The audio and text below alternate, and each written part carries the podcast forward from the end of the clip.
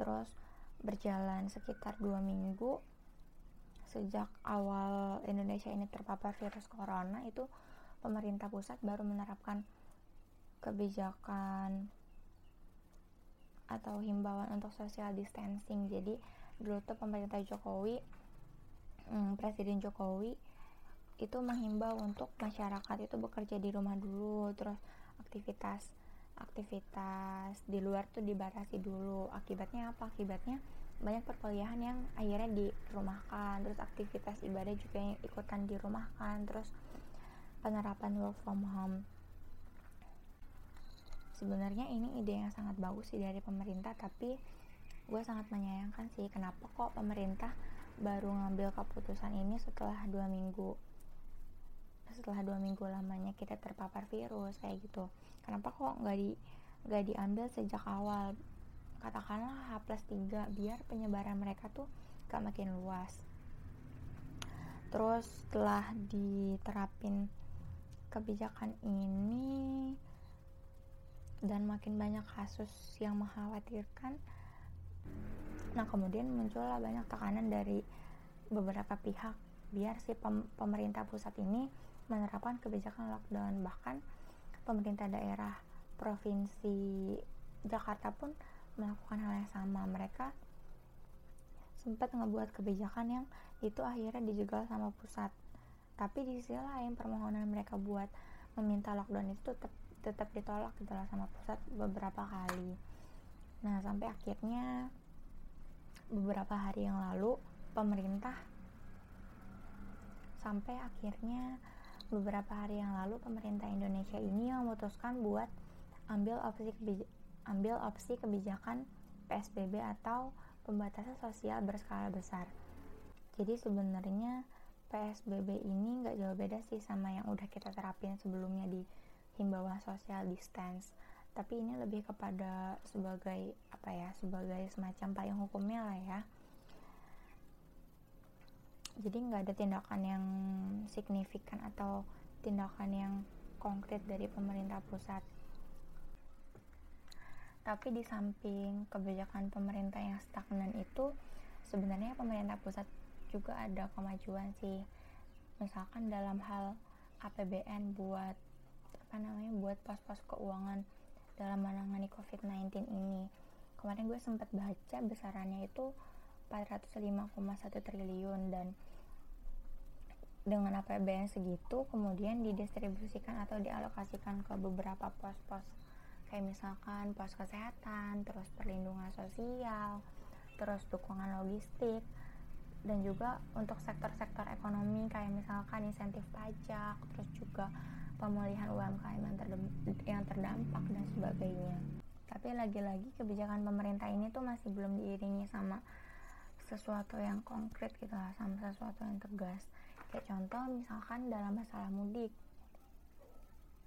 Di kayak misalkan contohnya dalam masalah mudik di mana pusat ini masih masih mencoba menghimbau bukan benar-benar membatasi dan menurut gue kalau emang pemerintah memutuskan untuk gak lockdown melainkan PSBB ini maka seharusnya pemerintah ini punya solusi lain lah ya buat meminimalisir penyebaran ini biar nggak semakin meluas. Ya karena pada dasarnya yang kita pengen itu ya cuma penghentian penyebaran COVID-19 ini biar semuanya tuh segera pulih dan balik lagi kayak biasanya kayak gitu. Maka dari itu maka dari itu menurut gue perlu banget tindakan yang konkret sama tegas dari pemerintah pusat buat meminimalisir penyebaran COVID-19 itu. Salah satunya ya melalui mudik mungkin atau emang atau jika memang pemerintah pusat ini membolehkan mudik ya tolonglah ada tindakan-tindakan preventif dari pemerintah daerah biar si orang-orang yang mudik ini nggak nggak nggak nularin ke banyak orang di daerahnya kayak gitu. Nah karena pada dasarnya yang kita pengen pengen itu ya penghentian penyebaran COVID-19 ini biar semuanya segera pulih dan berjalan seperti sedia kala. Menurut gue opsi yang paling mungkin buat diterapin itu kayak yang diterapin di Korea Selatan. Kenapa sih gue berpikir demikian? Karena pertama banyak kasus di Indonesia orang yang terlambat ditangani sampai akhirnya ngebuat angka kematian COVID-19 di Indonesia ini jadi tinggi. Bahkan banyak kasus di mana mereka tuh meninggal di ambulans karena beberapa kali ditolak sama rumah sakit rujukan. Terus kedua, ya tadi orang meninggal karena rumah sakit rujukan ini menolak. Yang artinya berarti ada keterbatasan tenaga medis dalam menangani ini semua. Terus yang ketiga juga buat mencegah penyebaran dan banyak pertimbangan lainnya. Tapi poinnya di sini adalah karena kita tahu tenaga medis kita ini nggak cukup buat mengatasi kasus positif yang makin hari makin banyak, ya perlu banget adanya pengecekan besar-besaran biar mereka yang terpapar ini bisa sedini mungkin buat ditangani atau ketika emang tenaga medis ini nggak mencukupi atau terbatas untuk menangani ini semua ya bisalah mereka mereka ini ya bisalah mereka mereka ini diminta buat ngelakuin karantina mandiri di rumah biar tujuannya apa? Tujuannya buat tujuannya apa? Tujuannya biar mereka nggak menularkan ini ke orang banyak. Nah hal ini cukup berguna buat menekan angka kematian yang tinggi karena orang yang terpapar ini bisa ditangani sedini mungkin. Sejauh ini menurut gue ini adalah solusi terbaik sih yang harus dilakuin sama pemerintah pusat. Kalau emang mereka memutuskan untuk melakukan PSBB atau pembatasan sosial berskala besar.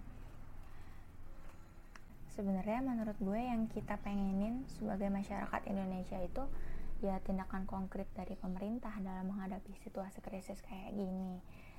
Ketika emang lockdown itu bukan kebijakan yang diambil pemerintah, dan PSBB jadi kebijakan yang diambil, maka harus ada solusi konkretnya buat menangani ini semua. Ya salah satunya dengan cara pengecekan rapid rapid test. Ya salah satunya dengan cara pengecekan secara massal ini kayak gitu. Terakhir, gue berharap pemerintah bisa segera bertindak tegas dan konkret buat menyikapi ini semua. Jangan sampai kasus positif di Indonesia ini meledak layaknya di Italia. Petugas petugas medis sebagai garda terdepan semoga selalu diberi kekuatan pelaku ekonomi gue berharap selepas wabah ini selesai bisa cepet pulih dan buat lo semua yang lagi dengerin podcast ini gue berharap kita semua bisa terus diberi kesehatan. Dan gue pesen buat selalu jaga imun lo semua sih biar gak gampang tertular sama yang namanya virus corona ini. Oke itu aja buat sekarang. See you guys. Sampai jumpa di episode berikutnya